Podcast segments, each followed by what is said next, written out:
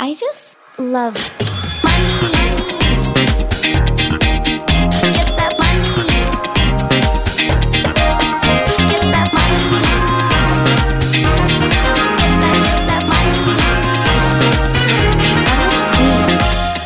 mandag, ny måned. Det er ikke bare ny måned, men det er vår. Og fra og med i dag så er det faktisk lov å pakke solbrillene ned i veska, ta skinnjakka og sneakersa frem fra gangen og forberede deg på lysere tider. Jeg sitter her nå og podder med sol og sjøutsikt og nyter det jeg ser, og det gir meg så mye motivasjon og inspirasjon bare at været blir litt finere. Um, og selv om eh, vi endrer eh, årstid og alt skal bli lysere, og denne motivasjonen og inspirasjonen kanskje kommer litt mer av seg selv om dagen, så er jeg fortsatt her hver eneste mandag for å booste deg litt på businessfronten. Vi har jo fått en del eh, tilbakemeldinger på at det er mye influensesnakk i Karrierekvinner podcast, og det er jo fordi at Equal Agency, som da står bak denne podcasten, det er jo da et eh, kvinnelig gründerfellesskap hvor 80% av medlemmene er influensere. Så man må belage seg litt på at det blir litt influensesnakk innimellom. Jeg kan eh, derimot friste med at eh, vi har et par veldig spennende episoder i møte. Både når det kommer til dette med influensemarkedsføring, men også litt hjelp til bedrifter, regelverk og økonomi. For ikke å nevne at vi nærmer oss kvinnedagen. Det skal vi selvfølgelig feire med et smell. Men før det så skal vi dykke inn i karrieren til parterapeut og sexologstudent Camilla Sørensen. Hvorfor endret hun karriere, og hvorfor er hun så interessert i sex og samliv? Hvordan takle parforholdet, pandemien og hjemmekontor? Og hva skal til for å lykkes i parforholdet dersom én eller begge er selvstendig næringsdrivende? Velkommen, Camilla! Tusen takk. Veldig hyggelig at du har lyst til å gjeste Karrierekvinner. Takk for at jeg får bli med. Det, jeg gleder meg til å liksom bli kjent med deg. Jeg kjenner jo deg litt fra før av, men bli bedre kjent med karrieren din. Du skal jo også, Ja. som eh, alle andre gjester her, dele litt av verdi for lytteren også. Men først, fortell litt. Hvem er du? Ja, jeg er jo da mamma, eh, gift og fra Haugesund, men jeg bor i Oslo og har bodd her nå i ti år. da. Eh, Og flytta jo hit eh, ja, for ti år siden pga. et brudd, faktisk. Oi. Eh, For å mm, starte min Sex and the City-karriere som singel. Så, så har blitt her siden. Jeg var singel lenge. Møtte drømmemannen. Eh, opplevde masse spennende. Eh, og ja, sitter her nå i dag da, og eh, jobber som parterapeut og skribent og gjester podkaster, og det går unna, egentlig. Veldig spennende. Så gøy! Har, eh, altså, hvordan har karrieren din tatt av under pandemien? Syns du det liksom har gått bedre? Det er veldig mange det ikke går så bra med, men hvordan er det med deg? Ja, det, det, det var veldig spesielt når pandemien kom. Jeg var jo nyutdanna eh, og eh, var veldig spent på hvordan skal det gå når korona kommer. Men det var jo bare pang. Det sa pang, rett og slett.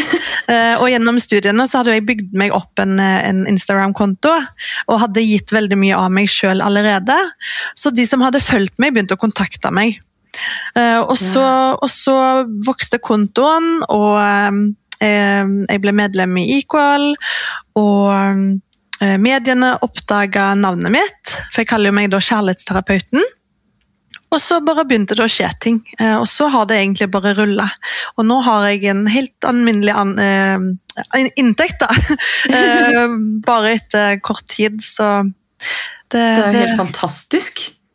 Mm. Men altså, hvordan, eh, hvordan er inntrykket ditt at det er for sexologer og parterapeuter å komme ut i arbeid? De fleste blir vel kanskje selvstendig næringsdrivende?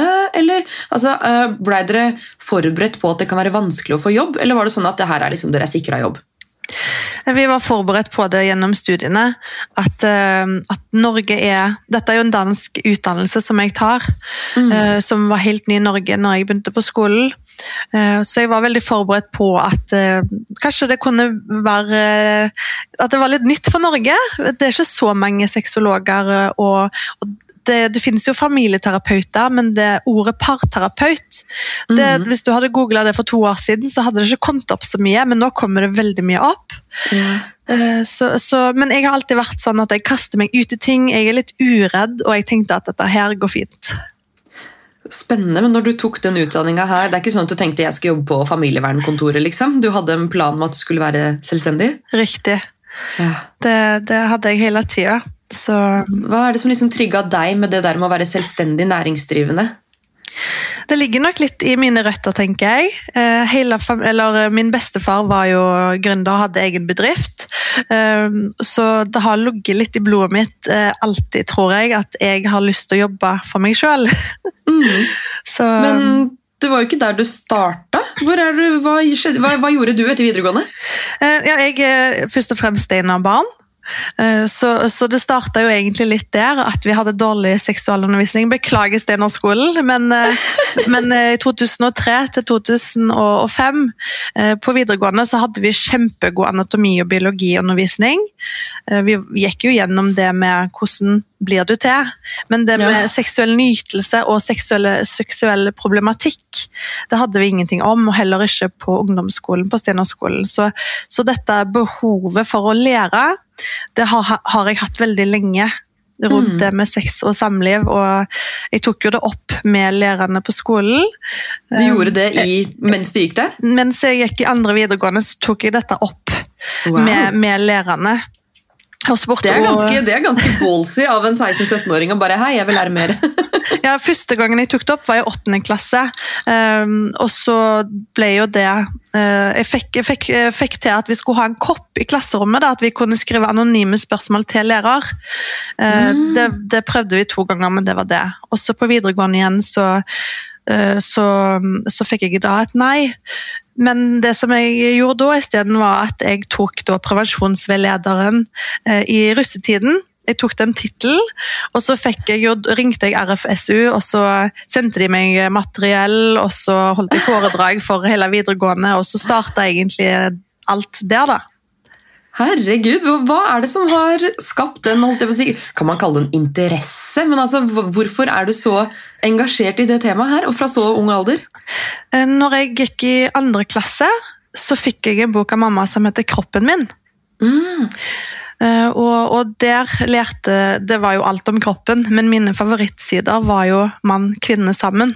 Mm. Eh, og så starta egentlig eh, det spørsmålstegnet der, og så ble mine foreldre skilt da jeg var 11. Ja. Og da kom samlivet samliv inn i bildet. Så, så dette har jo egentlig vært noen lengsler hos meg.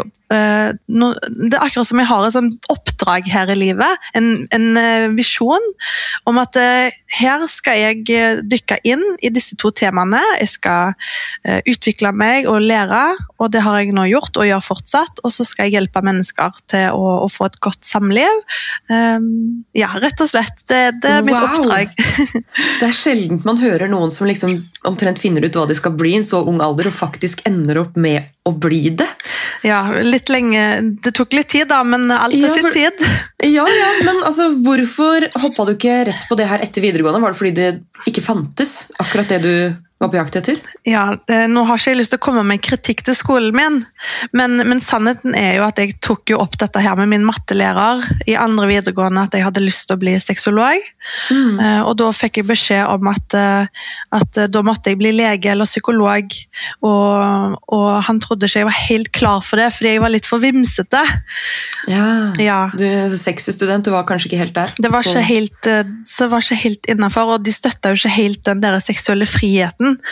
Eh, Så, så det var egentlig litt begrensa fra, fra, fra den tiden. Og, og så strøyk jeg faktisk i matte på videregående, så matte og sånn måtte jeg ta opp senere, mange år senere.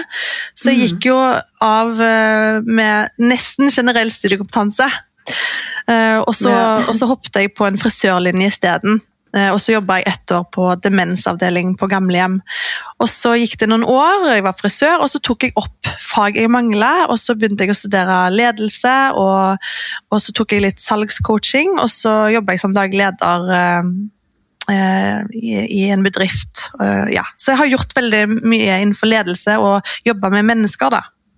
Du har gjort utrolig mye forskjellig. altså Fra frisør til sykehjem til ledelse, og nå Ja. til parterapeut og sexolog. Ja. Men hva følte du liksom når du gjorde alle de andre tingene, at du bare venta på noe? Det var ikke det her du ville? Eh, det, det, jeg fikk jo dekket et behov i alle disse yrkene mine, og det var det å knytte bånd til disse relasjonene jeg jobba sammen med. Om det var, når jeg var leder, så var det jo da eh, medarbeiderne. Jeg fikk knytta ganske gode bånd til de, og når jeg var medarbeider, så var det jo da at jeg ble jo en medarbeider som både lederne kom til, Mm. og, og mine kollegaer. Så uansett hvor jeg jobba, og uansett når jeg var frisør Jeg hadde jo faste kundelister som frisør òg. De ville komme tilbake, for jeg, vi gikk jo inn i dybden. og så, så det ble litt sånn, Jeg ble godt kjent med det. Vi gikk jo inn på kjærlighetslivet selvfølgelig, og snakket om sex. og det var jo, Wow. Dette har jo vært hele veien. Det var òg på gamlehjemmet, så da snakket vi om ekteskap. og så det, det, Interessen har vært der hele tida. Da er du skikkelig god med mennesker. Nei, ikke sant. Men vurderte du noen gang å reise ut av Norge for å ta den utdanninga? Altså hadde du gjort det, tror du, hvis den ikke hadde kommet til Norge?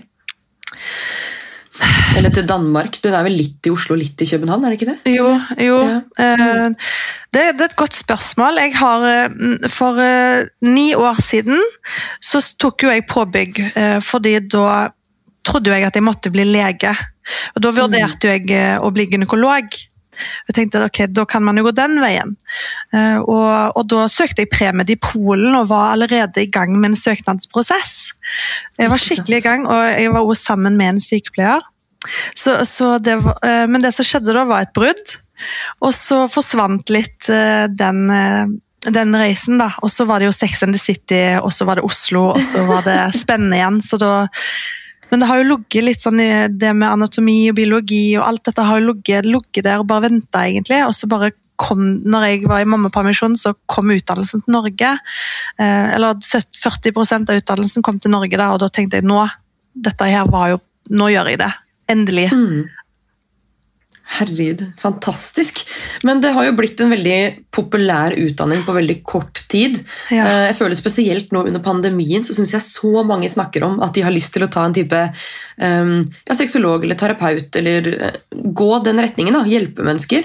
Um, hvorfor tror du det liksom under pandemien, samme som at din bedrift boosta så veldig, er det liksom et veldig stort behov for hjelp nå i forhold til for ett år siden, eller er det det at det stigmaet kanskje er borte, og at det er mer informasjon om det? Ja, jeg tenker at vi får takke mediene, som, som, som bestemte seg for å booste sexologer og parterapeuter når korona kom.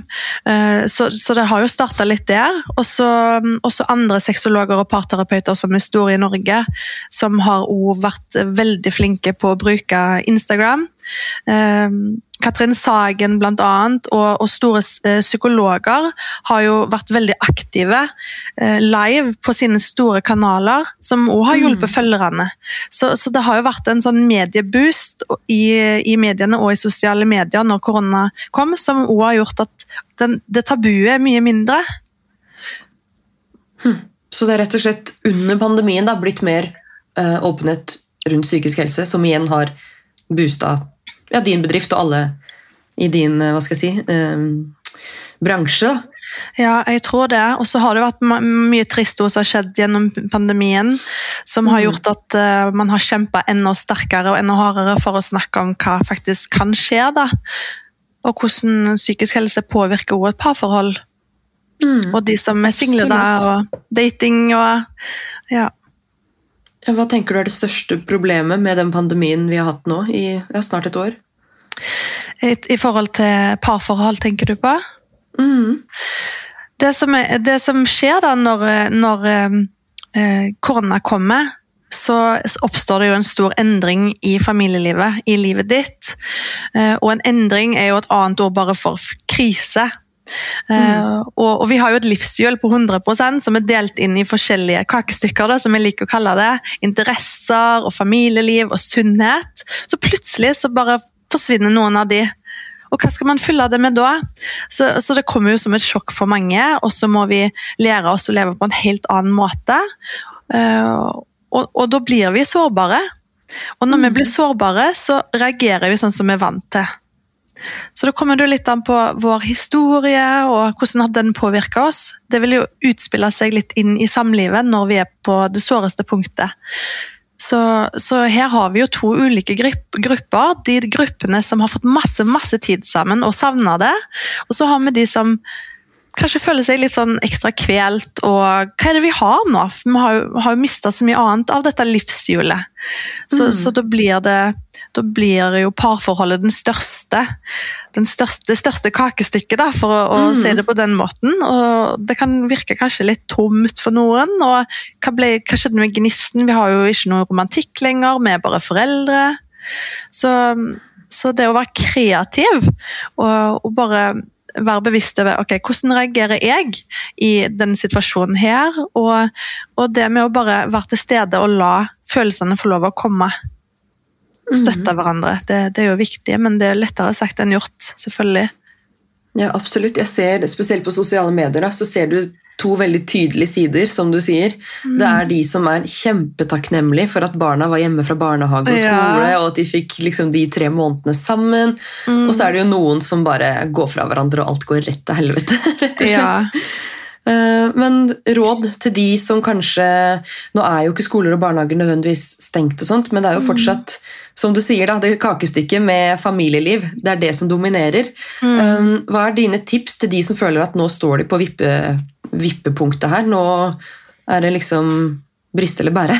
Ja, jeg tenker at, at det å, vurdere, eller tenke litt over jobben din da, har du en jobb? På, på jobb så har vi jo gjerne rutiner, vi har faste rammer.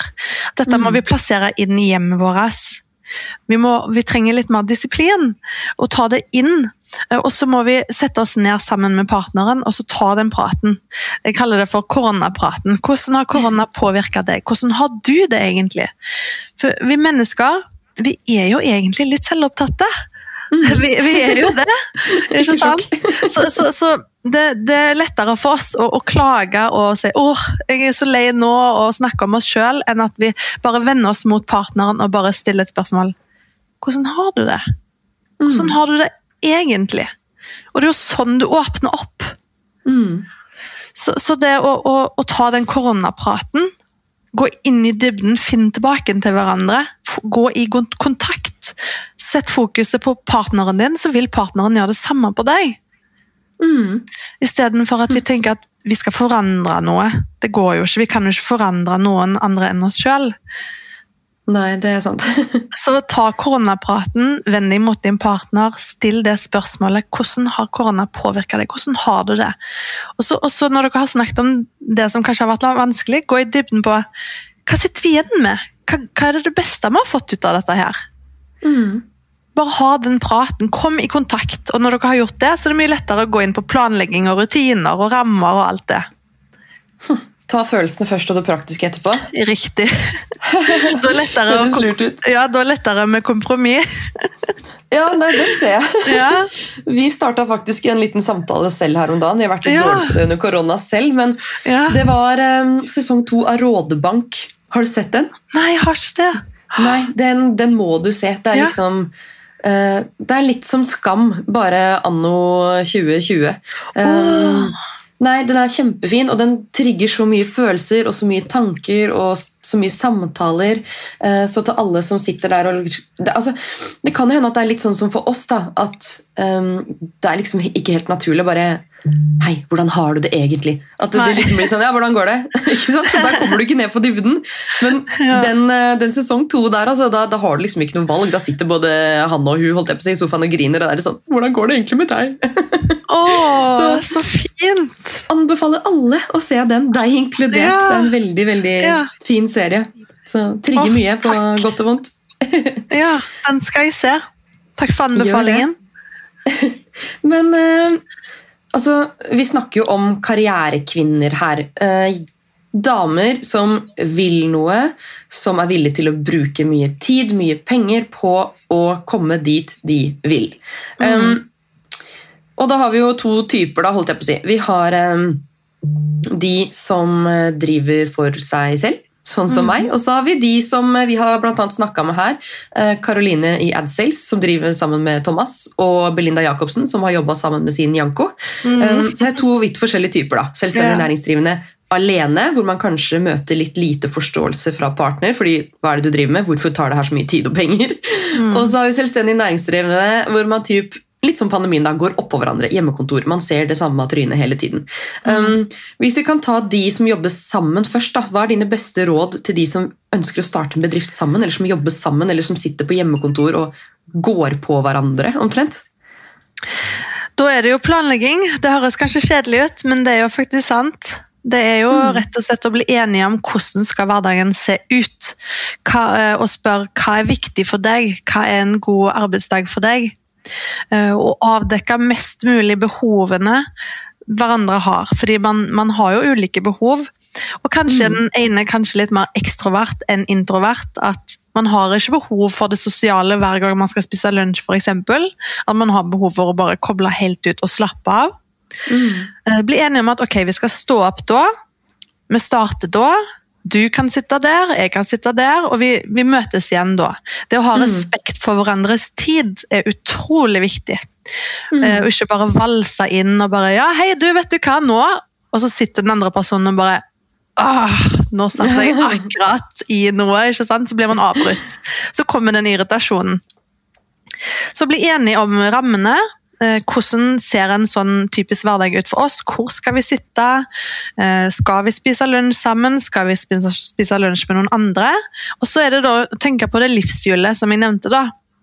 Fyll inn arbeidsdagen din, lag et livshjul, hvordan din arbeidsdag skal se ut. Hva har du behov for å fylle inn der?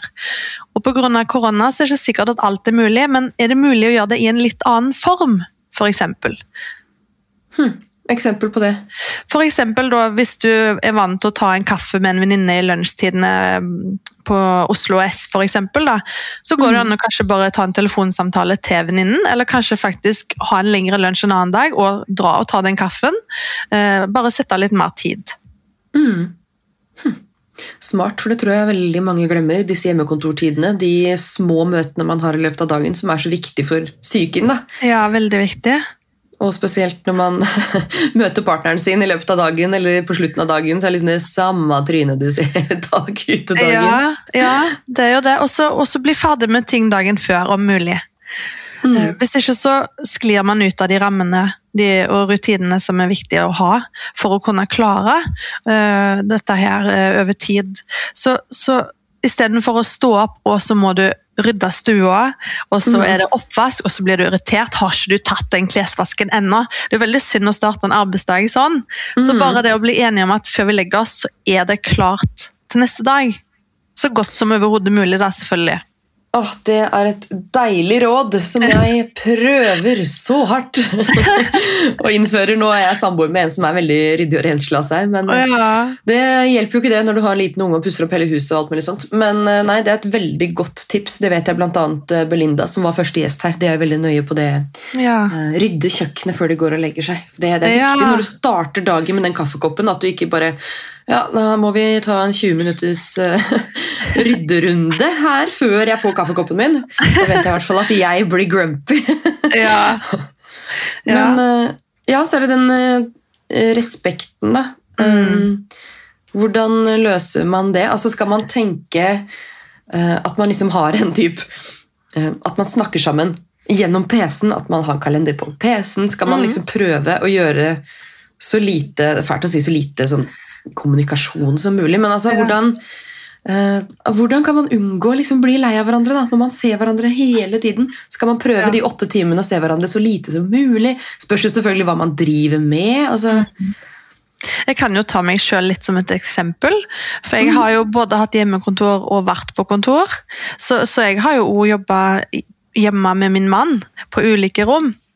Eh, Ja. og det som jeg fant ut da, at jeg ser jo stor forskjell på om mannen min har på seg joggebukse og, og, og slips eh, med dresskjorte, enn hvis han har fiksa seg skikkelig og har ordna seg på håret, han er rett i ryggen og sånn, Da tenker jeg sånn Oh, han er hot, sant? ja, uh, Men sant? hvis man går rundt og, og valser i den joggebuksa, så er det litt sånn Ja da, skal ikke pynte seg for seg sjøl, skal ikke pynte seg for meg. Nei da. Da kommer den derre Det er jo det du har sett så lenge, da. Så det å pynta seg for deg, først og fremst, og for Mm. hverandre. Vær litt sexy, flørt litt. Det, Mm. det er veldig viktig. Og, og respekter tiden. Sånn som jeg og min mann har jo felles kalender. Ja, ok. Hvordan fungerer det? Eh, Vi har eh, lagt eh, begges e-post i samme kalender, så jeg ser når han har sine møter, og han ser når jeg har mine møter. Så når vi jobber hjemme, det, det er vel kanskje én til to ganger i uka at vi jobber sammen hjemme, så ser han at nå er hun busy, nå skal ikke hun forstyrres. Og så har vi avtalt om vi skal ha lønn sammen eller ikke. da. Og han er vel den som er mest sosial av oss. Mm. Han jobber jo egentlig i Sverige, men sitter Ja. alene her i Norge. Så, så han har et litt større sosialt behov enn meg. Han er litt mer ekstrovert, jeg er litt mer introvert. Mm. Så vi har vært veldig nøye på å avdekke da eh, tid skal vi møtes. Ja, ikke Ja. sant. Mm. Herregud, det høres ut som at dere har løst eh, hele kabalen her. Ja, vi er fortsatt bare mennesker, da. Ja, ja, ja. ja. ja men det er jo veldig morsomt. Når jeg har snakka med deg tidligere, så er jeg sånn, ok, sexolog og parterapeut, du har jo livet på stell. Jeg bare ser for meg, Du har jo, du krangler aldri med mannen, masse bra sex, det, alt er bare liksom supert. Men ja, Ja. man er mennesker. Man er jo mennesker, så jeg, han kan bli irritert på meg, jeg kan bli irritert på han, og ting kan skli ut for oss òg. Vi har jo en, en treåring, og, og så, men vi prøver så godt vi kan da, og når vi merker at ok, nå må vi bare ta en timeout og bare huh, Og så er det greit igjen. Mm. Deilig. Men det du sier med å liksom pynte seg litt, det tror jeg er lurt. Jeg har i hvert fall falt i uh, joggedressfella. Med mindre jeg skal lage innhold til Instagram, så Ja. blir det veldig ofte happy mommy og dot, i, dot på toppen av hodet. Ja. Um, men uh, ja, nei, det er lurt å pynte seg litt og ja, lage litt sånn hverdagsdates, kanskje. Sånn Ja, på kveldstid. Lag kan- god middag, ta litt rødvin. Ja, det, var veldig, det, det kan vi jo snakke litt mer om hvis det er ok for deg. Eh, Ja, for nå kommer jeg på noe. Eh, Når jeg har jobba på kontor, Mm. eh, og han har jobba på kontor, og vi ikke har vært sammen på hjemmekontor, så har, så har vi jo avtalt å ha en felles lunsj. Så har vi satt av én time til hverandre. Og når vi har jobba og da har vi sett at det har vært utrolig koselig. Og så har det vært et fint øyeblikk, og det kan man jo òg gjenskape hjemme. Mm. På hjemmekontor. Absolutt. Hvis man er litt kreativ, da. Mm. Stearinlys og ja, én gang i uka, for eksempel. Men jeg tror det der er viktig, eh, også det for uansett hva man jobber med da, når man har barn, å ta den derre syv til elleve, ta det som eh, en date, liksom. Det, det er ikke dumt, det der, altså. Bare finn fram Ikke nødvendigvis pynte seg, men finn fram en Ja. god serie, litt rødvin, ligge i armkroken til hverandre. Snakke litt om dagen. Ja, og så vis, vis nysgjerrighet for hverandre. da. Fordi Spesielt hvis man er gründere, så brenner man jo ut som vanligvis veldig mye for det man gjør. da. Og, og det å bare vise interesse for hverandres arbeid er så utrolig viktig, og det kan jo åpne opp porten eh, ikke sant, til det sårbare. Ja, det tror, jeg, det tror jeg kanskje er noe av det viktigste. Det er i hvert fall noe jeg har kjent veldig på. Sånn, ja. Ja. da, Livet mitt ligger på Instagram, men det er veldig hyggelig om du spør. Fordi Ja. det som ligger på Instagram, er ikke nødvendigvis det som foregår oppi huet mitt som jeg trenger å prate om hjemme. Nei. Og, og, Så- og, også som gründer så har man det jo ikke alle som har kolleger heller. Mm -mm. Og, og det er ikke alle som har en leder. Så, så, så da blir det jo veldig sånn Ja, nå gjorde jeg noe bra, men hvem skal jeg si det til, da? Eller hvem spør meg om det, da? Ja, Hvem skal gi meg applausen? eller Ja. hvem skal, ikke sant? Det, Ja. det er sant. Mm. Det er, ja, men det er veldig Herregud, det har jeg ikke tenkt på, egentlig. For den derre den der jaktegreia som er, altså jeg, har ikke funnet noe ord på det, men den at man alltid mye skal ha mer. ikke sant? Det er vel sikkert fordi de målene man oppnår, ikke blir ordentlig anerkjent. da. Ja, riktig. Kanskje det er derfor? Ja, det tror jeg, Benedicte. Benedikte. Anerkjennelse er noe av det viktigste for oss mennesker. Mm. Mm. Så det er nok lurt å få litt eh, En ting er mestringsfølelsen man får når man faktisk får det til, men Ja. den mestringsfølelsen man føler når andre legger merke til det man får til også. Det er Ja. noe å tenke på for alle gründere, at man har en kjæreste eller en god venninne eller om det er foreldre eller hva som helst, som liksom Du, nå ser jeg at du står på, nå er du flink. Ja. Uh, Så at man er flinkere til å gjøre det med hverandre, da, så blir det liksom kanskje en ny kultur. Det hadde vært fint. ja, det hadde det. Men eh, de som da Nå var vi litt inne på det. De som da er eh, ikke bare selvstendig næringsdrivende, men i en gründerfase hvor det kanskje er litt trangt økonomisk. De pengene man har, de bruker man kanskje på ting som partneren ikke forstår. Det går veldig mye tid som kanskje burde vært brukt på ja, den andre, de andre kakestykkene da, i det livshjulet som blir brukt på den gründerbobla. Um, hva er dine råd til de som står i en sånn situasjon, hvis både ja, begge deler, si, begge mm, partnerne i parforholdet skulle hørt på denne episoden her. da. Hva, Ja. Da Eller kan, hørt på den sammen. Det er jo fint. da kan- på den her. da kan jeg jo igjen ta meg selv litt som eksempel, da, for det er jo akkurat det som har skjedd med oss i fjor. Mm. Eh, Da, da var det jo litt trangere enn vanlig. Eh, Fordi jeg var jo helt i oppstartsfasen. I fjor så, så var det jo mange mange utgifter. I år så det jo, går det jo pluss. Mm. Eh, Og, det som, og før jeg ble frilanser og, og begynte dette her, så var jo jeg en veldig sånn, utrolig glad i å kjøpe dyre klær, og jeg har jo mange vesker, og jeg er jo litt sånn dollete, da. Mm. Eh, og det har jo kosta litt. Så jeg måtte jo da bare innse at ok, det året her, da er det Theis. Da er det gjenbruk. Eh, hva kan jeg selge? Jeg skal, da skulle jeg virkelig vise for partneren min at ok, jeg skal ikke jeg trenger ikke dere frie midlene sånn som vi pleier å ha. og eh, Jeg måtte jo vise at jeg vil dette så sterkt. At jeg ville ofre noe for økonomien. da. Mm. At det ikke og Det handler jo gjerne om at du bare viser det. At, du, at eh, jeg ser egentlig at eh, økonomien er annerledes nå, og jeg trenger ikke det. Jeg trenger ikke den, og kanskje ferien skal, skal være i en liten annen form. Eller ja, bare Mm. vise at du er villig til å ofre. Mm. At du Mm. ikke krever det samme som før. da. For det kan jo bli litt vanskelig igjen for partneren hvis økonomien er trang, og så kan det jo bli mange bekymringer for partneren. da. Ja, men jeg sitter med den største delen av kaka. Mm. Så, og, så, bare øh, prøve å hente penger inn på en, liten, på en annen måte. da, At eh, ok, kanskje ikke det kommer inn så mye penger fra den øh, Fra øh, der. Jeg må Mm. finne ut hvor jeg kan få penger fra et annet sted. Et annet oppdrag eller en annen deltidsjobb. eller Mm. For det er veldig lett å spore seg fast, eller gå, ja, eh, kjøre seg fast i et spor, var det jeg skulle si. Ja. Men eh, eh, sånn som de vi coacher da, i Equal, det er Ja. veldig mange der som bare 'jeg skal bli influenser'. Men så ser de kanskje ikke den delen bak det, Mm. som f.eks. er kan være innholdsproduksjon da, for andre kanaler. Um, eller en takeover på Story, eller bare lage innhold til andre bedrifter, men ikke poste det i sine kanaler. Uh, at man gjør veldig mye annet enn bare liksom å Se på meg, mine fine klær, mine fine vesker. Altså, uh, finne flere bein å stå på, da. Selv om det ser veldig Ja. glamorøst ut og sånt på Instagram. Så herregud hvor mye jobb det er bak kulissene for å faktisk få inn de pengene. Det er jo ikke bare de samarbeidene på Instagram, f.eks. Um, så Nei. det å finne en måte på når man er i gründerfasen, uten nødvendigvis å bli i den jobben du har. For jeg tror jo at veldig mye ligger utenfor den komfortsonen. At man oppnår veldig mye mer ved å faktisk sende den oppsigelsen, da, selv om det er skummelt. Um, ja, du har jo vært gjennom partnere. det. ja, fytti rakkeren! Jeg kjenner jo det nå at jeg burde jo gjort det for lenge siden. Herregud, jeg kunne gjort det her for to år siden.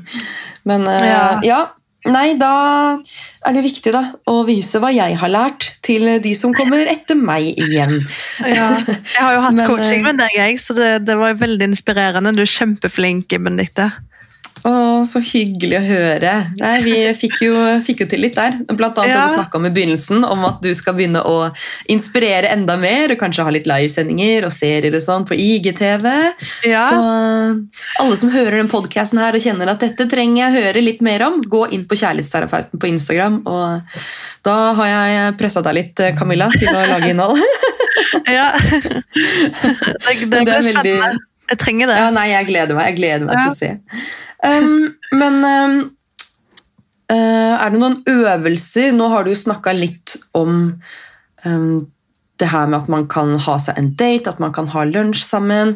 Uh, er det noen øvelser man kan gjøre for å styrke parforholdet, ikke bare under en pandemi, men um, Litt usikker på hva jeg selv lurer på. Jeg bare ser for meg at det er noen sånne triks man kan gjøre i fellesskap. F.eks. Ja.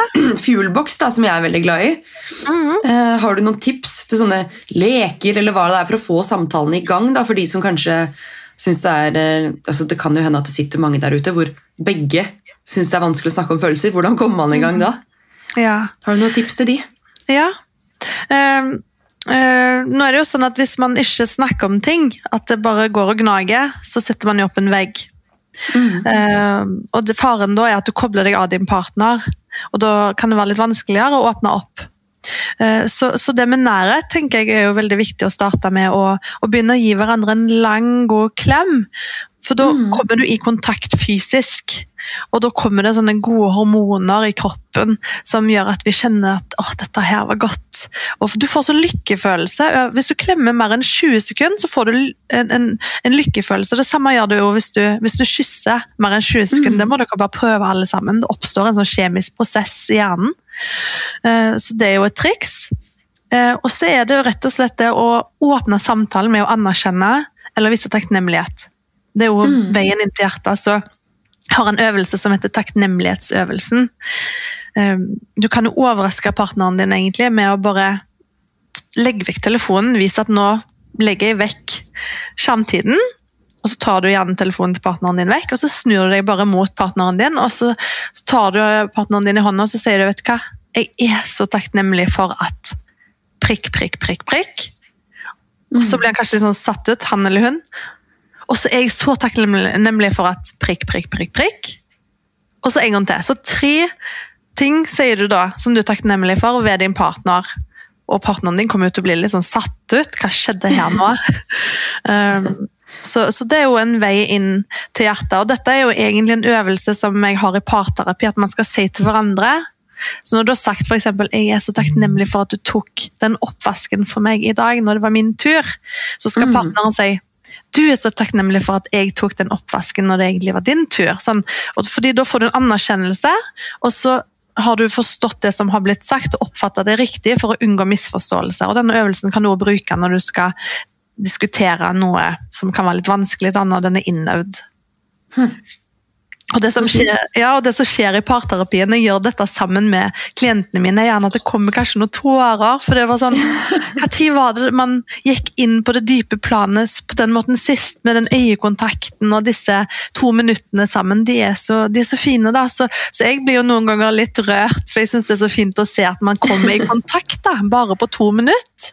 Mm, og så er det liksom ikke så mye mer som skal til, bare Nei, å se hverandre litt. ja. det er jo ikke det. Bare vis interesse for vedkommende. Fokus på partneren din. Fint. Ja.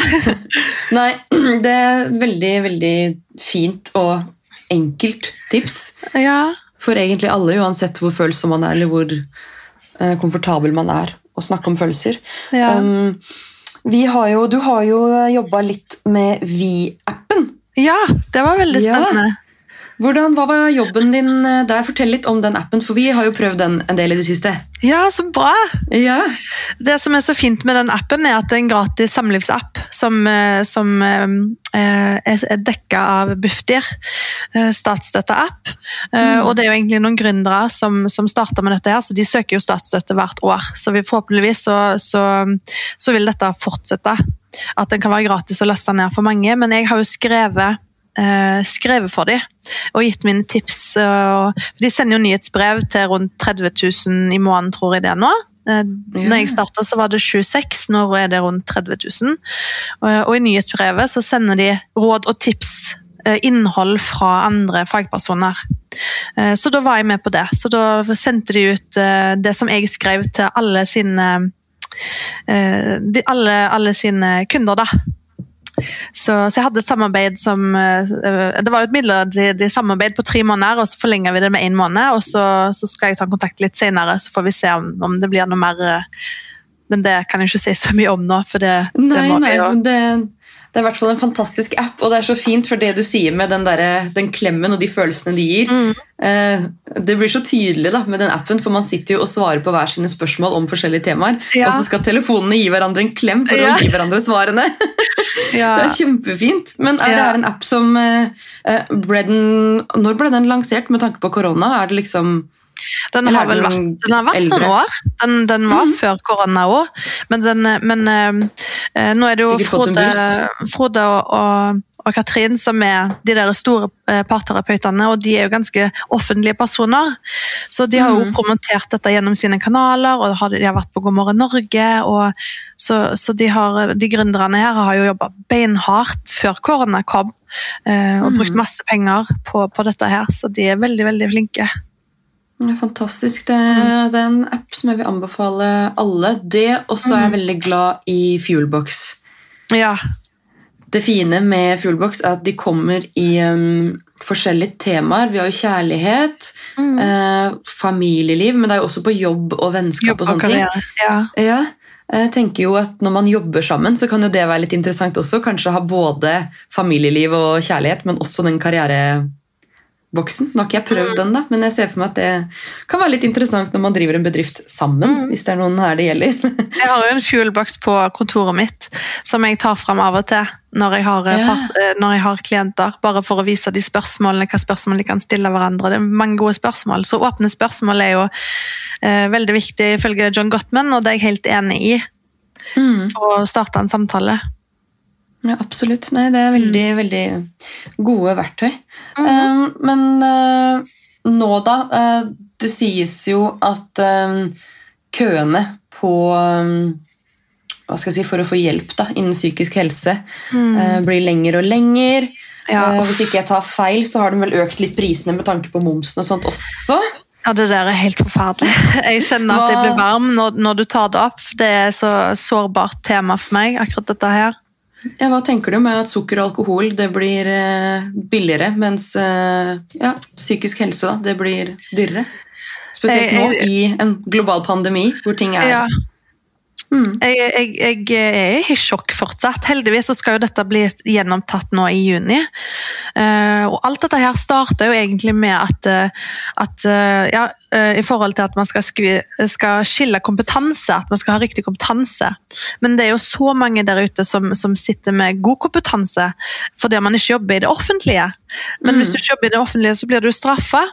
Så, så, så hvis du har en, en utdannelse fra utlandet, eller eh, uten studiepoeng, eh, hvis du har, er innenfor den alternative ordningen, så har du egentlig ikke en helseminister som støtter arbeidet ditt, rett og slett. Det, det, Mm. det er trist å si det, men det er faktisk sant. Eh, og, og dette er jo de fagpersonene som man gjerne som gjerne man, blir opps eller man oppsøker disse fagpersonene hvis man ikke får hjelp i det offentlige. Eller Mm. fordi køene er for lange, og da er det viktig at alternativet er rimelig nok. Mm. Men så er jo mange av disse gründere, da. Så, så man har jo ikke muligheten til å ha, ha Man har jo ikke noe fastlønn, så man er jo avhengig av å få disse bookingene. Så jeg syns det er helt forferdelig. Jeg, jeg satte jo ikke opp eh, prisen min på 25 jeg, gikk, satte den opp 19 for Jeg hadde ikke Mm. hjerte til å tenke, Jeg får heller gå den litt ned i pris, egentlig. Mm. Eh, Og så får jeg bare håpe at dette endrer seg i juni. Men jeg syns det er helt forferdelig, og jeg snakker jo daglig med flere som er i kø for å snakke med psykolog, som kommer til meg for å få hjelp i parforholdet. Og jeg er ikke psykolog, eh, men de venter og venter og venter på å få hjelp. Mm. Men de køene er uendelige. Og noen kommer til meg og sitter og griner og sier at jeg fikk beskjed om at jeg ikke er syk nok fordi om jeg skader meg. Mm. Så det, det er veldig mye trist der ute som, som foregår. Og, Jeg hadde, hadde ja. sånn samtale i, i går, faktisk, um, Mm. Hvor vi snakka om det at man eh, hvis man skal komme seg til psykolog da, i det offentlige, eller få en type innleggelse på Modum Bad, eller hva enn det skulle være, ja. at du skal være helt på vippepinnen mellom selvmordstanker, men hvis du er på selvmordstanker, da er du for syk. ja. Al- Altså, det er jo helt umulig for mennesker å få hjelp i det landet her. Jeg fatter ikke verdens rikeste land, og så bare Nei, vi legger moms på psykisk helse, sånn at det offentlige skal tjene mer, men det offentlige har jo ikke kapasitet til å ta imot alle disse menneskene. Nei. Da burde man Da- heller gitt mer statsstøtte til de alternativet, da. Eller altså, finne på noe annet. Hvor mye, hvor mye koster det nå? Det er nesten 1500 kroner for 45 minutter terapi hos en psykolog. Ja, ja, noen har oppi 2000 kroner òg, så det kommer litt an Ikke på. sant? Så det er, og og jeg, jeg lover deg, Benedicte, dette her er så alvorlig. Jeg Mm. har, jeg har vært nødt til å faktisk ringe politiet en gang. Eh, fordi at et, et, et menneske som jeg snakket med, hadde selvmordstanker. Og, og dette kom heldigvis fram med meg. Og så spurte jeg har du snakket med noen om dette. her? Og dette var en person som faktisk gikk til en, en, en person fast, men Mm. ikke torde å åpne opp om disse tankene, fordi at kjemien var ikke der. Den åpenheten var ikke der. Og heldigvis så kom det fram med meg. Mm. Heldigvis. Så jeg bare tenker sånn fordi hun, eh, vedkommende hadde jo bare fått beskjed om at man er ikke er syk nok, og køene er lange, og dette har ikke skjedd bare én gang. Eh, Så, så det er forferdelig trist å se at, eh, at regjeringen gjør det vanskeligere for at disse menneskene skal få hjelp. Og når det er menn, så er det ikke alltid at den hjelpen at man kommer så langt. Det er veldig mange menn som, som, som tar sitt eget liv. Sant? Og både menn og kvinner, men eh, flere menn enn kvinner. Mm. Tror du det er fordi de er dårligere til å snakke om følelsene sine? Eller Altså, blir de bare ikke fanga opp, eller hva? Altså, den, eh, den 'gutter gråter ikke' og 'flink pike' den henger fortsatt Mm. igjen i normen i Norge. Og, mm, og, det, og, og det er veldig mange menn som ikke snakker om følelsene sine på samme måte som kvinner gjør. Og, Mm. menn de, de går lettere på handling, fordi de snakker ikke like lett om følelsene sine, og da kan handlingen da være Mm. det. Mm. Ikke Mm. sant. Nei, det er eh, helt forkastelig. Jeg tenker at juni er altfor lenge til, eh, med tanke på at man sammen klarte denne Jeg føder ikke alene-kampanjen. Så tenker jeg vi må jo bare kjøre på med Ja. Vi må bare bruke hele nettverket vårt, alt vi har, alle som lytter. Mm. Lage en hashtag for dette med altså, Det er bare så forkastelig at man skal legge moms, at staten skal tjene penger på at du sliter. Mm. Det er liksom Nei, jeg vet ikke. Vi må, vi må lage en uh, Lage en hashtag, vi må lage en kampanje på det der. Det har jeg faktisk tenkt på en stund nå. Så tenker jeg bare, fader, når jeg prater med deg nå, jeg blir jo jeg blir også utrolig provosert. Ja, det er, det er helt forferdelig. Eh, og, det er jo allerede en hashtag på, på Instagram òg. Skal vi se um, Hvis jeg går inn her MVA fri behandling. Eh, De jobber jo for dette her, så man kan jo, kan jo bruke MVA fri behandling. Og så har jo Ja, Helsesista jobba veldig mye med dette her, men vi må lage en egen hashtag i Equal. Ja, absolutt. Altså, om vi støtter den eller lager en egen, Ja. vi må i hvert fall spread the word. Og alle Ja. som lytter, eh, og kjenner på det her, kjenner på hvordan pandemien har påvirka dere, parforholdet, alt. Mm. Og bare tygge litt på den, at det er blitt 25% dyrere under pandemien. Mm. Når det er så lange køer, så vanskelig å få hjelp. Mm. Eh, Så jeg håper de som sitter der ute nå, blir like provosert som oss, for det her Juni er altfor lenge til. Vi, vi må få en til en endring i mars, helst. Ja. Så, og så får man jo høre ja, men vi har jo familievernkontoret. Familievernkontoret gjør en fantastisk jobb, men jeg snakker med folk oppe i Nord-Norge som kontakter meg, eh, for de blir ikke prioritert. For det er for lange køer, de har ikke kapasitet til å ta seg av deres problem. Mm. Og da sitter de og snakker med meg her i Oslo, da, og så er de oppe i Nord-Norge, og det er kjempefint det. Jeg er så glad for det at, at de gjør det, men det sier jo litt om at det er, det er stor pågang og for lite kapasitet i det offentlige fortsatt. Og ja, det, det er ikke Mm. bra nok.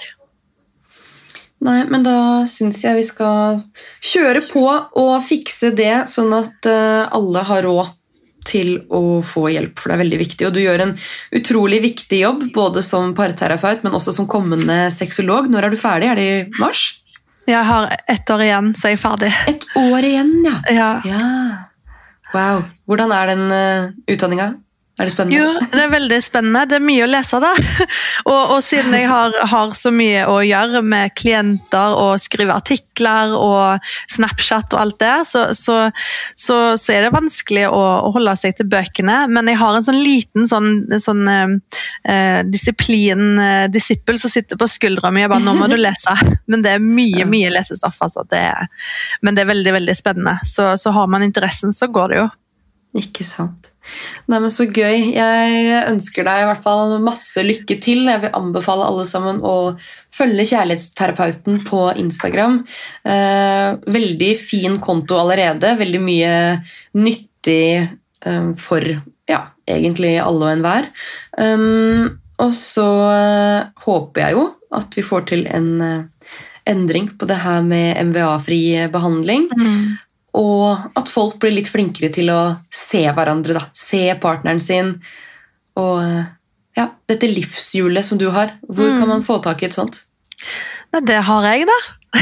Ja, jeg har, har, ja, og jeg har mye andre øvelser, og det er egentlig bare å kontakte meg på Instagram for råd, så kan jeg eh, svare folk der, eller på Snapchat eksempel. Og Camilla Terapeut, der hun svarer jeg alle som sender meg melding. Ja, Det er det som er så fint. Det er lavterskel. Du må ikke nødvendigvis booke en time og kjøre full behandling. men Nei, nei, nei. Absolutt ikke. Det er bare å stille meg spørsmål, så svarer jeg.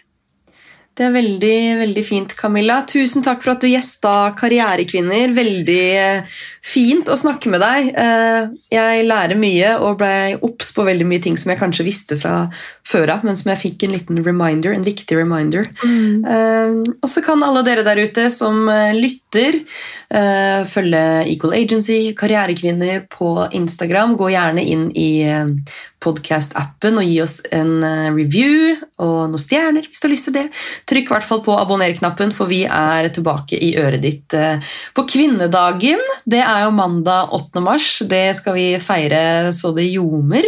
Da får vi besøk av eh, Mariann Rosa, som er eh, vokalist, tidligere vokalist i Surferosa, men som er veldig mye mer enn det. Definisjonen på girl power, tenker vi ikke det, Camilla? Jo, hun er helt rå. Så eh, det blir gøy. Men Camilla, vi snakkes, og eh, alle dere hjemme, ha en fantastisk fin dag og en fin uke. Så håper jeg vi får sol og glede. Nå er våren her. Ha det bra. Ha det, ha det. I just love money.